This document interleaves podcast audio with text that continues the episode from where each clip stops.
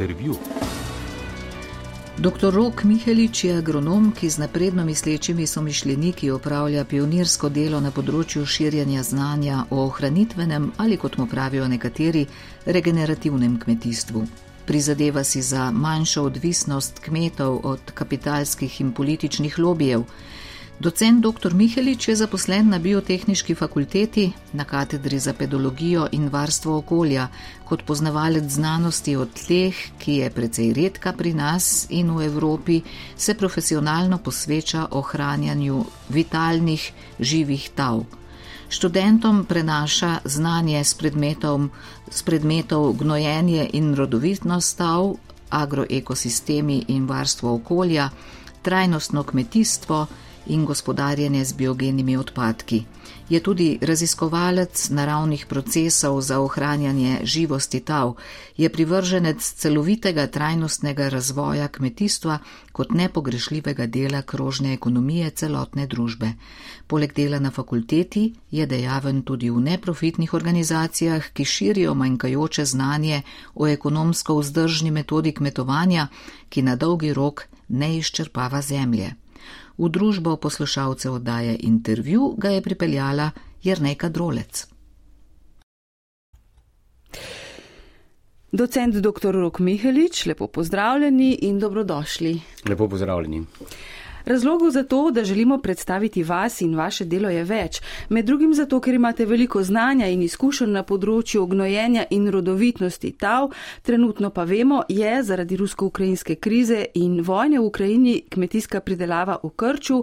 Vsi se sprašujejo, kako do normalnih pridelkov v poljedelstvu, če ni gnojil iz Rusije, kot je bilo običajno. Nadalje, Evropska unija se je zavezala k zelenemu prehodu in krožnemu gospodarstvu. Tudi tukaj imate znanje o novih trajnostnih praksah, ki bi lahko rešile marsikatere zagate, s katerimi se spopada kmetijstvo trenutno. Od naraščajočih stroškov kmetijske pridelave do izpustov toplogrednih plinov. Stroka ima nalogo, da v takšnih razmerah, ko mineralnih gnojil ni dobiti oziroma se jih težko dobi in so draga, svetuje kmetom. Najprej torej vprašanje o gnojenju. Kdo bo zaradi te krize v največjih težavah? Dr. Mihelič, in kakšno usmeritev bi jim dali vi, da ne bo, da ne bo trpela samo oskrba? Ali vas kdo vpraša za nasvet? Ja, lepo, eh, najlepša hvala za vprašanje. Gre za zelo kompleksno eh, temo. Eh, vojna v Ukrajini nas je vse presenetila. Eh, Evropa je bila na lepi poti eh, k zelenemu prehodu. Eh, Zato bi potrebovali uh, več let uh, postopnega prehoda. Uh, Sedaj s to krizo se stvari močno uh, pospešujejo na eni strani in komplicirajo. Uh, vemo, da Rusija in Ukrajina uh, oziroma Belorusija skupaj proizvedeta kar tretjino mineralnih gnojil na svetu, predvsem dušikovih, in da bo ta izpad seveda močno podražil na eni strani gnojila, spremenil borzne razmere, podražil hrano pravzaprav tudi. Uh, zdaj, kdo bo uh, največ posledic nosil, verjetno kar cela družba.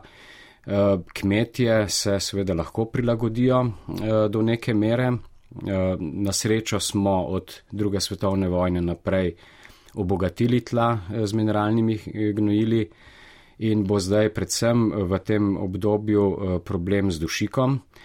Uh, dušik se da delno nadomestiti z gojenjem metulnic v kolobarju, kjer simbiozo eh, z bakterijami prinesajo dušik v sistem. Res je pa, da to ne zadošča za zelo velike pridelke. To se pravi, govorimo o pridelkih, ki jih lahko imamo v nekem zmernem nivoju. Pridelki bi verjetno padli za 20 do 30 odstotkov v Eh, prvem letu že, oziroma v prvih letih. Ne. Tako da to, je, eh, to pomeni seveda precejšen upad. Gre tudi za strukturne spremembe, eh, se pravi, ne, kolobar je treba razširiti, vključiti metulnice, te metulnice je treba porabiti. Zdaj, ali bomo lahko še naprej imeli v takem obsegu živinorejo v ravninskem svetu? Zdaj namreč se moramo zavedati, da kar 60% pšenice in mogoče skoraj v celoti vso koruzo pokrmimo živini. Se pravi, to, kar zraste na poljih, ne gre neposredno za hrano ljudem, ampak eh, živinoreji. Ne? Živinoreja je pravzaprav nek luksus. Eh, na eni strani eh, imamo na poljih krmo za živino, na drugi strani so nam pa površine, ki so namenjene prežvekovalcem v hribovitem svetu zaraščajo. Tako da imamo nenadoma pred sabo zelo pereče odprta vprašanja. Ja, in velike razmisleke, kot ste rekli, vprašanje, če res potrebujemo ljudje eh, toliko mesa v prehrani, kot je trenutno. Eh, in skratka, a vas kdo vpraša zdaj za nasvet, ker vemo, da je kmetijsko ministrstvo je v teh eh, danih okoliščinah je aktiviralo vso stroko, da pripravijo neke tehnološke nasvete, tehnološke načrte, kako uh, v novih razmerah gnojiti.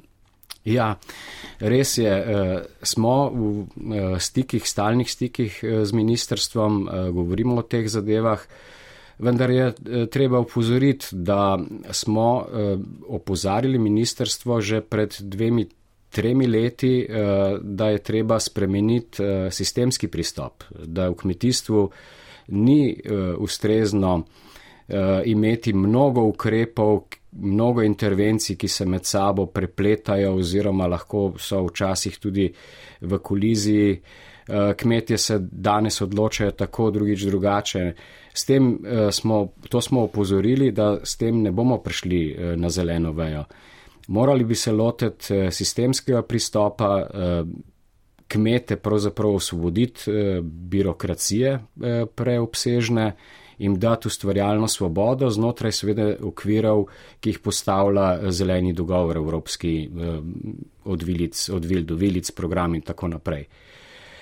Zdaj, v Bruselj smo poslali strateški načrt, ki pa obsega čez tisoč strani.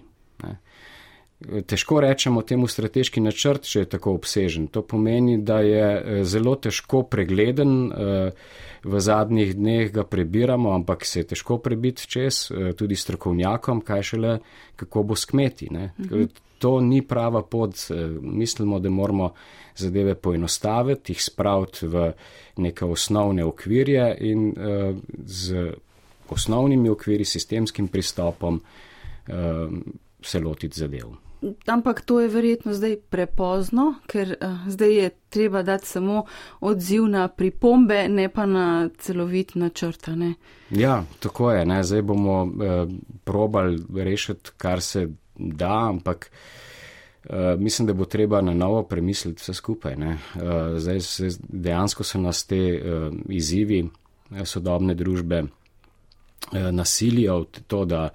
Eh, korenito premislimo, kako naprej. Eh, kmetijstvo, mogoče se bova to še potem vrnila, vidimo zdaj kot eh, srce, center krožnega gospodarstva tudi. Ne, ne, ne gre samo za pridelavo hrane, ampak v kmetijstvu se s proizvodno hrane jemle elemente iz tal, sončno energijo lovimo preko rastlin, preko fotosinteze in sno, snovi in energija uh, se pretakajo skozi družbo in je edino trajnostni način, je, da se snovi in energija vrne nazaj v kmetijski prostor. Uh -huh. No, pa vi ste tudi ustanovni član Slovenskega združenja za ohranitveno kmetovanje. Minuli mesec, če se namotim, ste postali novi predsednik društva, ste tudi uh, njihov predstavnik v Evropskem združenju ECAF. Uh, ali EKAF, kakor se imenuje, na področju ohranitvenega kmetovanja, kjer delujete že okoli 20 let in, in ste res orali ledino, eh, pa najbrž tudi pogosto naleteli na gluha ušesa in morda tudi na nerazumevanje med vašimi kolegi. Eh, tudi kmetje se šele v zadnjem času nekako ogrevajo za takšno kmetovanje, ki ima številne prednosti. Eh, in to pravim zato, ker eh, ohranitveno kmetovanje pa eh, zelo gleda na tla, se pravi, kot tla so osnova kmetijstva, živa tla, v katerih je polno nekih organizmov. ki ki presnavljajo določene stvari in jih naredijo hranila um, ja. na voljo rastlinam. Brez Re... tega sploh, sploh rastline ne morejo do hranil. Uh, skratka, tla in ohranitveno kmetovanje. Um, kaj je to, koliko je v Sloveniji že poznano in pa predvsem, katere so prednosti tega kmetovanja? Ja. Eh, res je, eh, v 90-ih letih sem imel eh, veliko srečo oziroma privilegij, da sem lahko šel v ZDA in študiral te sisteme, ki so bili takrat v ZDA že razviti. In potem, ko sem prišel nazaj, smo se povezali z naprednimi kmetovalci in organizirali prve poskuse, polske poskuse, ki še danes trajajo. Tako da imamo zdaj več kot 20 let že trajajoče polske poskuse v različnih uh, talnih tipih, v različnih okoljih in na podlagi tega imamo že precej izkušen. Zdaj, tla so res uh, srce kmetijske pridelave. Uh, rodovitna tla uh, so temelj in uh, zato gradimo na tem temelju. Uh, ohranitveno kmetijstvo je izraz, ki je bil, ki je pravzaprav uh, v slovenskem prostoru kot izraz se pojavil po letu 2016, ko smo ustanovili Združenje za ohranitveno kmetijstvo. Do takrat splošno ni bilo dovolj poznano. Govorili smo o ohranitveni obdelavi tal, ki je pa samo del uh, ohranitvenega kmetijstva. Ohranitveno kmetijstvo ima pravzaprav tri osnovne uh, stebre, temelje, uh, na vides enostavno, se pravi v tla, čim manj mehansko posegamo in jih ne obračamo na glavo, kot rečemo, zato da varujemo prostor eh, organizmom v tleh, kajti ti organizmi, eh, ugotavljamo, so ključni za eh, rodovitnost in tudi za uspešno rast eh, rastlin, za odpornost ekosistema. Drugi steber je, da so tla po možnosti stalno pokrita, In če je le možno, z živimi rastlinami, z živimi koreninskimi sistemi, kajti na ta način ustvarjamo biološko strukturo, rahlost, upojnost za vodo in preprečujemo erozijo. In pa tretji stebr, ki se navezuje spet, je pa uh, biotska pestrost. Ustvariti biotsko pestrost uh, tako uh, nadzemnih rastlin, ki prehranjujejo talne organizme in omogočajo z različnimi uh, Eh, različne rastlinske vrste se povezujejo z različnimi organizmi, eh, z različnim koreninskim sistemom, ustvarjajo eh, prepredenost armatura v tleh. In to je sistem, ki omogoča maksimalen pridobitek sončne energije v sistem in sončna energija preko fotosinteze osvojena, seveda preko rastlin, preko zelenih rastlin, Eh, ta energija poganja ekosistem. Če dobimo dovolj energije v eh, ekosistem, v agroekosistem, potem rabimo bistveno manj fosilnih virov. Torej, ohranitveno kmetijstvo ima odgovor na trenutno krizo pomankanja gnojil uh, in pa iskanja teh nekih novih tehnologij. Uh, A ste vi delali nek uh, polski poskus s sončnicami, ko se sončnice obračajo, obračajo k soncu in črpajo to sončno energijo? Zdaj, kakšni so bili rezultati uh, tega poskusa? Na, naprimer, da imamo uh, tudi mi, nekako bi nas prepričali. Ja, sončnice so seveda, smo delali, smo imeli sončnice v kolobarju. Tudi to je. Um, ena rastlina, ki je sestavni del uh, vrstenja. Uh, se pravi, ni toliko pomembna posamezna rastlina, ampak pomembno je, da je pravilno umeščena v vrstenje. Se pravi, da poskrbimo, da tla niso prazna, se pravi, da nimamo praznih prostorov več mesecev. Brez živih rastlin, kajti če nimamo živih rastlin, tudi niso organizmi prehranjeni v tleh. In če uspemo doseči to uh, pestrost, to uh, vrstenje pravilno, ki mora biti sestavljeno v petih letih iz treh, naprimer, različnih botaničnih skupin, se pravi, ne smemo imeti monokulturne pridelave, v tem primeru uh, potem imamo uspešen sistem. Uh, jasno je, da gre za. Na podlagi teh treh eh, načel, na vides enostavnih, se spremeni celotna tehnologija. Mi moramo spremeniti eh, stroje, ki jih uporabljamo, eh, moramo se navaditi novih načinov zatiranja plevelov, moramo spremeniti načine gnojenja. Eh, mogoče eh, sorte, eh, vrste, vrste in sorte moramo znati prilagoditi sistemu in tak sistem je vedno odvisen od okoljskih razmer, od tal, od klime, se pravi rešitve, ki jih imamo na enem. V Ameriki, recimo v, Ameriki, v Sloveniji, morda ne delujejo. V Sloveniji morda ne delujejo, oziroma tudi v Sloveniji, lahko v severovzhodni Sloveniji na lahkem talnem tipu se so druge rešitve potrebne kot na tež, težkih tleh v srednji Sloveniji. Ampak um, imate pa zdaj že kar nekaj tudi kmetov in to velikih tržnih kmetov, vsi se sicer še ne želijo razkriti, uh, ki, so, ki, ki uspešno uh, kmetujejo na tak način. In uh, kaj pravijo? Potrebujejo manj strojev, uh, več časa jim ostane. Uh, potem potrebujejo manj gnojil, tudi manj fitofarmacevskih sredstev. Um, skratka, na nek način niso tako zelo ukleščeni v, v, v, v to odvisnost od, od vseh teh industrij, ki pravzaprav um, živijo od kmeta. Ja, eh, res je. Vendar je to tek na dolge proge. Se pravi, pot, potreben je čas, da se uh, kmetija preusmeri. Uh, potrebuje uh, nova znanja najprej, ne, ki se gradijo, ne, nikoli ne bomo vedeli vsega, vedno se nekaj naučimo novega. In uh, seveda potrebno je uh, počasi, postopno uh, spreminjati uh, strojni park, uh, to pomeni na začetku investicije, uh, vendar potem, ko naredimo prehod, je pa, kot ugotavljamo, potrebno dva do trikrat eh, manj eh, fosilne energije. Eh, strojev pravzaprav je lahko minimalno, v skrajnem primeru rabimo samo sejalnico in kombajn.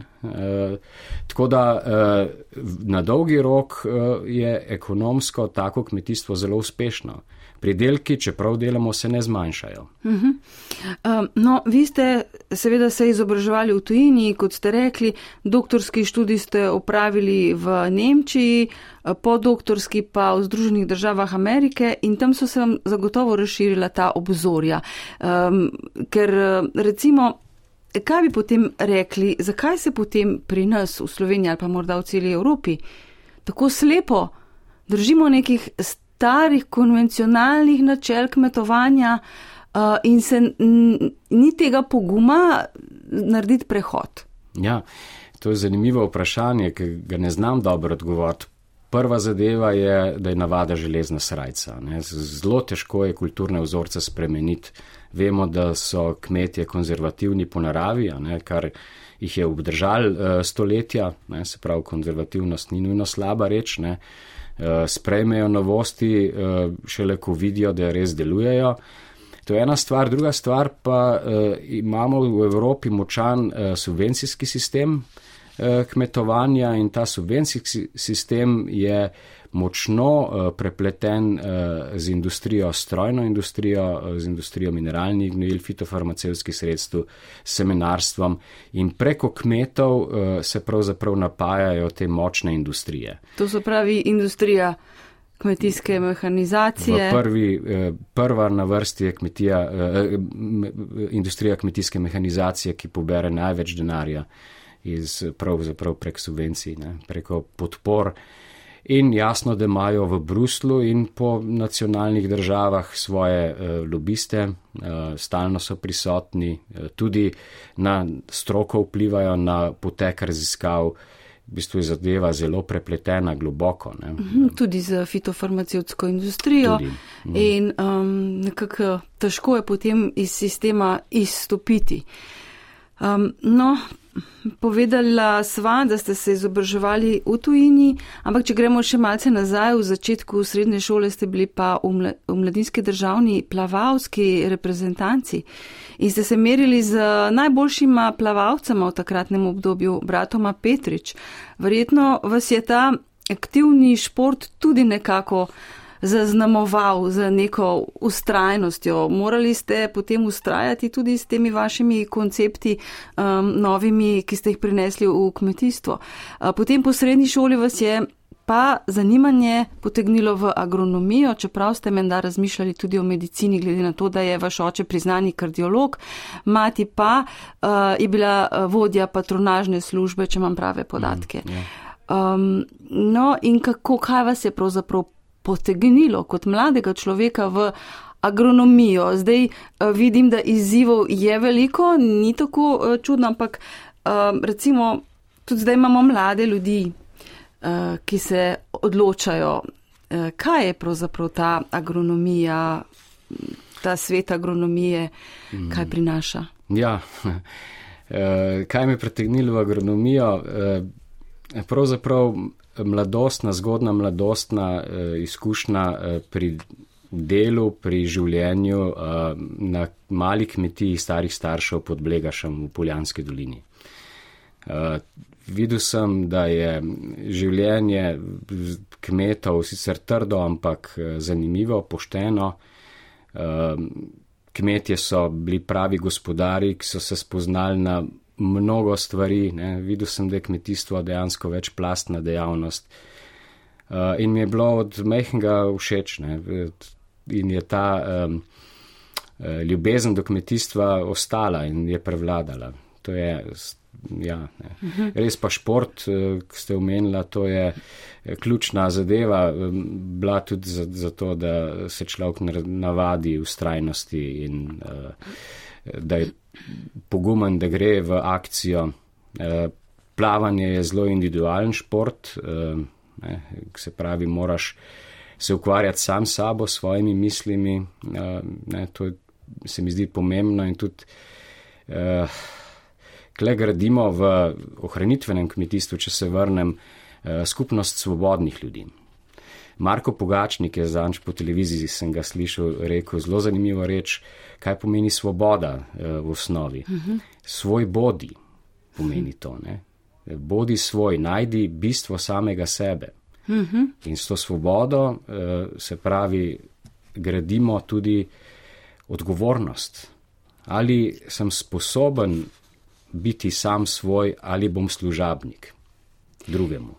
No, to je izredno pomembno vprašanje um, v tem času, ne, ko pravzaprav je toliko zunanjih dejavnikov, recimo, ki vplivajo na kmeta in vemo, stalno tarnajo kmetje, da so zadnji v verigi, da dobijo najmanjši delež uh, pri tej proizvodni hrane. Uh, tako da bi resnično bilo dobro stvari postaviti malce drugače, uh, da bi se tudi ohranilo to kmetijstvo. Uh, zdaj, ohranitveno kmetovanje se imenuje tudi regenerativno kmetovanje, pa več imen ima, je tudi uh, konzervirajoče kmetovanje del te, te, te zgodbe. V bistvu, ja, eh, conservation agriculture je izraz eh, v angleščini.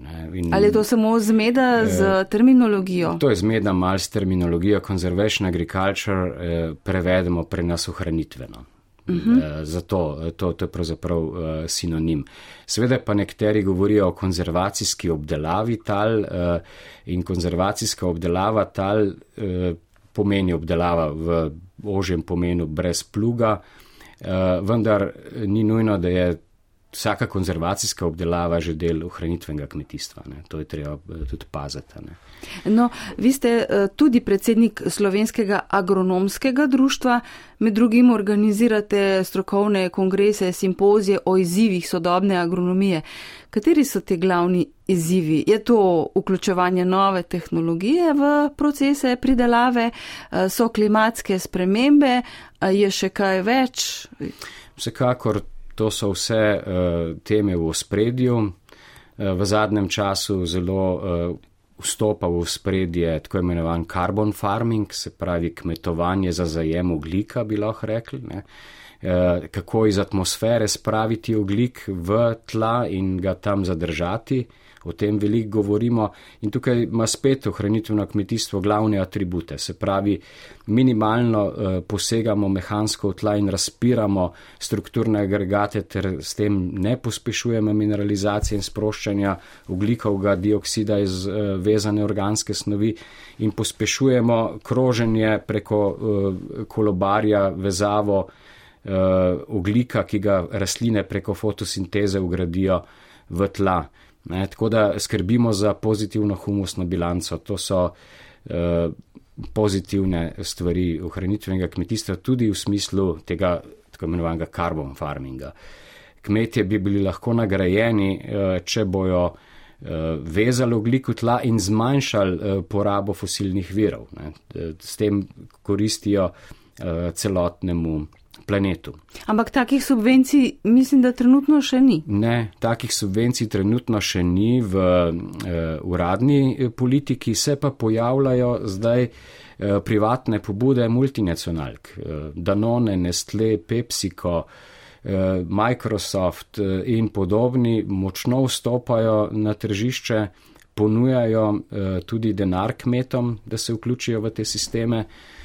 Uh, in prej smo govorili o mineralnih gnojilih, uh, sedaj tudi industrija mineralnih gnojil, ki ni od danes na jutri, ne, gleda uh, dolgoročno, uh, se aktivno vključuje v politiko zelenega dogovora, pravi, če kdo bomo mi tisti, ki bomo zmanjšali porabo mineralnih gnojil in kmetom ponujejo alijanso, zvezo, pravi, uh mhm. -huh. Pravijo, vstopite v našo zvezo in boste dobili eh, poceni gnojila, ampak ne samo gnojila, tudi celoten nasvet, eh, kako gospodariti. Ja. Ampak subvencije bo pobrala ta multinacionalka. Multinacionalka zdaj vabi v to alijanso tudi kmetijske svetovalce, eh, dobila bo vse podatke o tleh, kajti eh, uporabljali bojo najnovejše tehnike eh, daljinskega zaznavanja dronov, meritu tal, načrtvali bojo kmetu kolobar, katero semene uporabi, katero gnilo, katera stroje, katera fitofarmacevtska sredstva. Eh, in eh, kmet eh, seveda se bo, če bo kriza, če bojo draga ta sredstva, vključil v to alijanso, ker mu ne bo drugega ostal. In bo zamenjal odvisnost od, teh, od javnega denarja. Tako je. To je nevarnost za malo Slovenijo, da postane pravzaprav. Uh, nacionalna država, mala nacionalna država, manj pomembna. Zato bi toliko bolj morali skrbeti, da se usmerimo pravilno in da ne drobnjakamo, da nismo tisti, ki evropska sredstva prelivamo multinacionalkam v žep. Ja, vi ste tudi ambasador slovenskega lesnega združenja Sloles. In prej ste že govorili o biooglju, mislim, da prav preko biooglja mhm. uh, ste prišli v, v, v to zgodbo. Uh, in mislim, da bi bilo treba povedati zdaj nekaj več o biooglju. Kak, a, a ni vsako oglje bioogle, uh, kakšno je potem torej bioogle, uh, kje vse se lahko uporablja, da bi to prispevalo k zmanjševanju CO2? Ja, bioogle je del uh, tega zgodbe krožnega gospodarstva. Tak eh, krasen eh, pilotni eh, primer bi lahko rekli. Zakaj je ta predpona bio, ta je sicer zlorabljena, ampak pred kakšnimi desetimi, petnajstimi leti se je oblikovala mednarodna skupina, ki je postavila standarde kakovosti. In te standardi kakovosti, če jih doseže oglje, se potem lahko to oglje uporablja za izboljšavo tal, tudi za izboljšavo higiene v hlevu, za izboljšavo gnojevke. Eh, drugo oglje, ki ne ustreza tem kriterijem, pa ni dovoljeno ga uporabljati. No in eh, kakovostno oglje se potem imenuje biooglje. To je, to je ta predpona. Zakaj gre? Eh, Slovenija ima zelo velik gozda, tudi lesa slabše kakovosti, po žledolomih, po podlubnikih smo imeli tega ogromne količine in lahko bi eh, na mesto, da smo les eh, kurl, eh, ga pretvorili spirolizo v mm, oglje. Oglje ni več hrana mikroorganizmom in na ta način konzerviramo oglik za več sto let ali pa tudi za več tisoč let.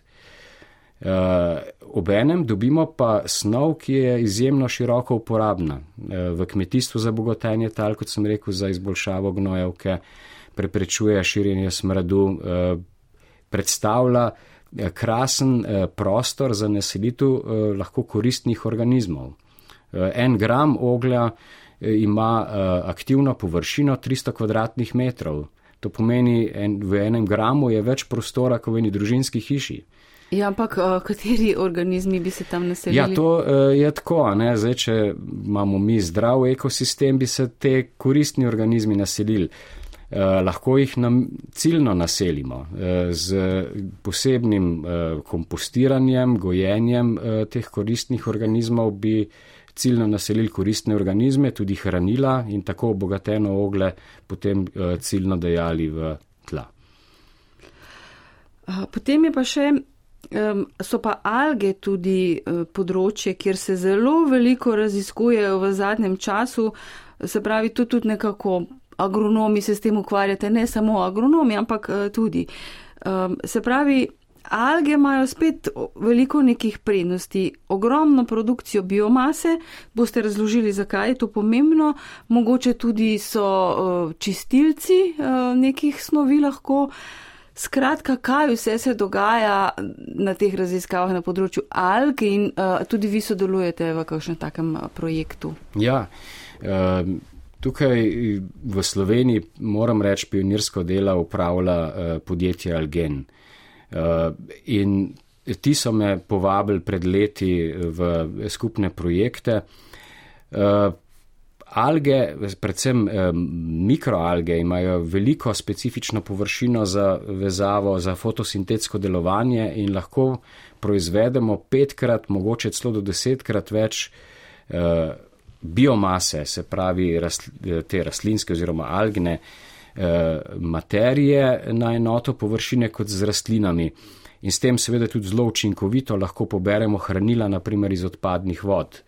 Eh, spet smo pri krožnem gospodarstvu in alge kot neki primarni organizmi vsebujejo vse potrebne snovi, ki jih rabijo višji organizmi. Tako da s temi algami lahko obogatimo eh, rastline, dajemo v nekih kritičnih fazah razvoja, v fazah stresa eh, s temi algami lahko pomagamo rastlina, eh, rastlinam. Ja, Sveda, te pripravki bi... se vedno bolj uporabljajo, recimo po eh, kakšnih točah ali pa Tako, pozivah oziroma ja. Eh, vedno strokovnjaki priporočajo pripravke iz alg. Ne? Ja, eh, lahko bi pa tudi ciljno kmetje gojili eh, alge za prehrano ljudi. Ne? S tem se tudi eh, lahko to so beljakovinsko zelo bogate eh, rastline oziroma alge, so vsebujejo 60% lahko beljakovin v suhi snovi, eh, so razmerno dobrim profilom aminokislinskim. Tako da je to bila lahko tudi krasna dopolnilna dejavnost, kmetje bi na mesto mleka lahko alge proizvajali. To bi ja. bila ena varijanta. Zakaj se pa industrija še ni odločila v večji meri za proizvodnjo recimo teh um, nadomestkov beljakovinskih na mesto mesa? E, smo na tej poti. To, uh -huh. to mhm. je v začetni fazi in, se, in gremo po tej poti. Uh -huh. um, no, agronomi seveda morate tudi skrbeti, da hranila iz gnojil, tista neželena, ne pridejo v vodo, naprimer nitrati, pa fosfor eh, in tako naprej. Ampak glede tega v preteklosti niste bili še prav uspešni. Se mi zdi, a ne, v vodi se še vedno najdejo vse do, do, do prepovedanega atrazina, da ne govorimo o nitratih. Hmm, res je, uh, ampak vse jih moram povdariti, da smo uh, v 20 letih, zadnjih 20 letih, razpolovili uporabo uh, mineralnih gnojil. Uh, dušika uporabljamo zdaj pol manj kot leta 2000 uh, eh, in kmetje bolj racionalno gnijo, kot so pred 20 leti, dosegajo pri pol manjši porabi 20% večje pridelke, od 5 do 20% večje pridelke polščin. Tako da situacija se je popravila. Res je pa, da imamo še precej, lahko še precej naredimo. Eh, kmetije bi morale meriti bilanco hranil na pragu kmetije, da bi vedle, pri čem so. Sploh intenzivne kmetije. Pa so vemo, spet nove evidence. Nove evidence, nekatere so potrebne, ampak eh, ne bi bilo veliko treba uh -huh. teh mhm. evidenc. Ampak ena, eh, ta je taka, ki je res pomembna. Vidimo, da intenzivni kmetje porabljajo tudi po 100 kg dušika na hektar preveč, do zdaj so ga, ker ni bil drag, kar pomeni 100 evrov na hektar in če ima kmetija 20-30 hektarjev, je to 3000 evrov finančne izgube, obenem pa nevarno za nesnaženje okolja. Zdaj pa še o krožnem gospodarstvu, ker ste ga že omenili. Vi se prav ukvarjate s koncepti kroženja snovnih tokov, eh, celo širše, ne samo znotraj kmetije, ampak med urbanim in ruralnim uh, okoljem. Zdaj, kakšni so ti potencijali? Eh, ali lahko poveste tudi kakšen konkreten primer, ki že deluje po tem principu krožnega gospodarstva, eh, kako pomemben del je kmetijstvo? Rekli ste, da je to srce vsega krožnega gospodarstva. Recimo, najlepše se to vidi na kakšnem primeru, če ga imamo v Sloveniji ali po tujini. Ja, res je to. Uh, sem navdušen zdaj nad tem vprašanjem, kaj ti vidim, da je kmetijstvo uh, dejansko v bodoče eh, ga bo treba drugače obravnavati. Sploh eh, v luči primankljaja hranil draženja surovin. Kmetijstvo, en primer smo želeli že pred desetimi leti z občino Šentil, smo načrtovali izgraditi pilotno tako imenovano ekovas. V tej ekovasi, bi eh, naselili naprimer mlade družine v sodobne, novozgrajene nizkoenergijske hiše, ki bi pa imele veceje, eh, tako kot so zdaj v letalih, kjer se prak, praktično nič vode ne porabi, eh, vakumski veceji in vsi organski odpadki te skupnosti bi šli na sodobno bioplinsko napravo, ki bi bila v okviru kmetije, ki je v tej vasi. In naprimer model je bil narejen tako, da 500 ljudi in pa eh, kmetijska površina 100 hektarji, 500 do 700 ljudi no, eh, v tej eh, vasi, če bi naredili kroženje snovi, se pravi vsi organski ostanki iz urbanega dela skupnosti na kmetijo, bi bila kmetija neodvisna od uporabe mineralnih gnojil. Z uporabo metulnic bi dobili dovolj dušika, In uh, s tem vračanjem bi se praktično vse fosfor, kali in tudi uh, organski dušik vračal na te površine in uh, bi imeli uh, čudovito rešen uh, sistem kroženja. S tem ne samo, da bi uh, energijsko osnovno povezali uh, kmetijo in urbani del, uh, gre tudi za sociološko povezavo. Uh, vedeli bi, kaj kmet dela, kmet bi sodeloval z njimi. Ne?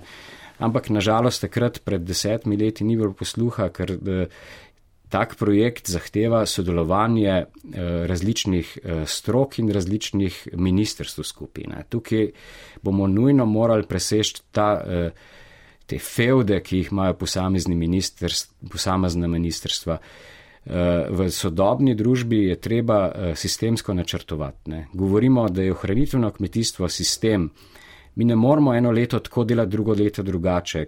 Kmetijska tla se izjemno počasi spreminjajo in je treba ustrajati pri sistemu.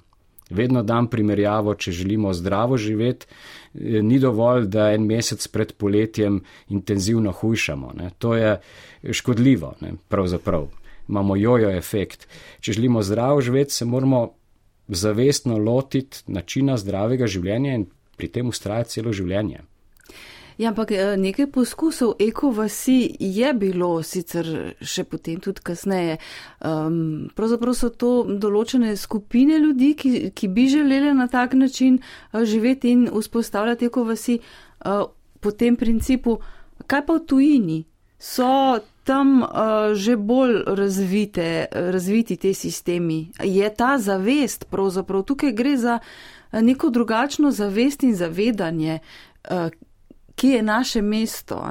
Ja, res, ja, to, to so v bistvu kompleksne zadeve, zato bi s takimi, seveda, skandinavci so uh, dober primer tudi deli Nemčije, Švice in na podlagi takih primerov, ki so modelni primeri, se potem cela širša družba lahko uči in uh, postopno lahko mogoče pride v tak sistem.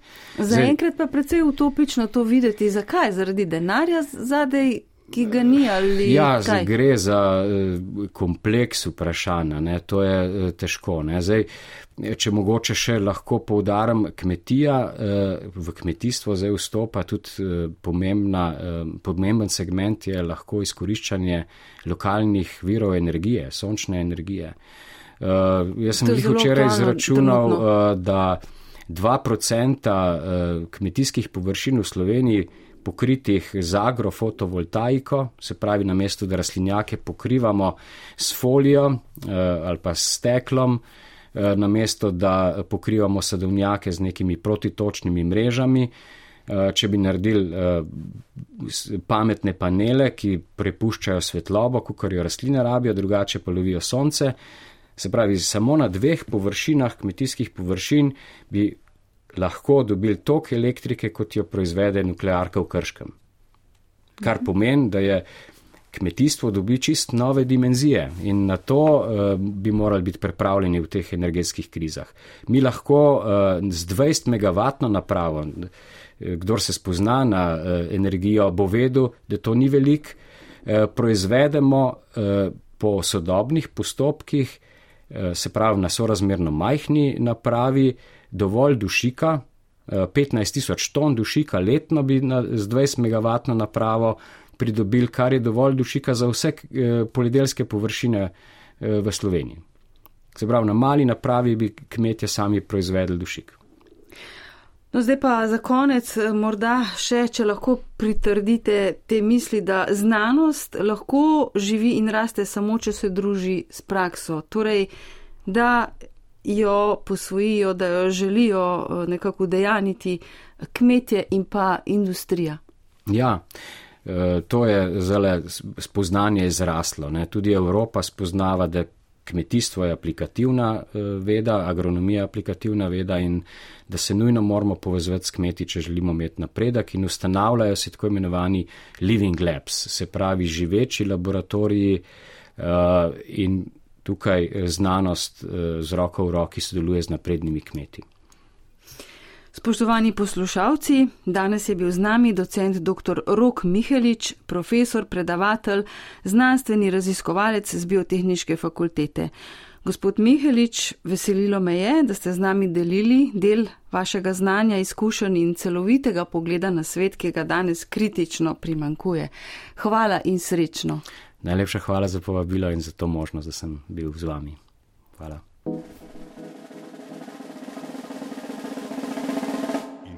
Intervju.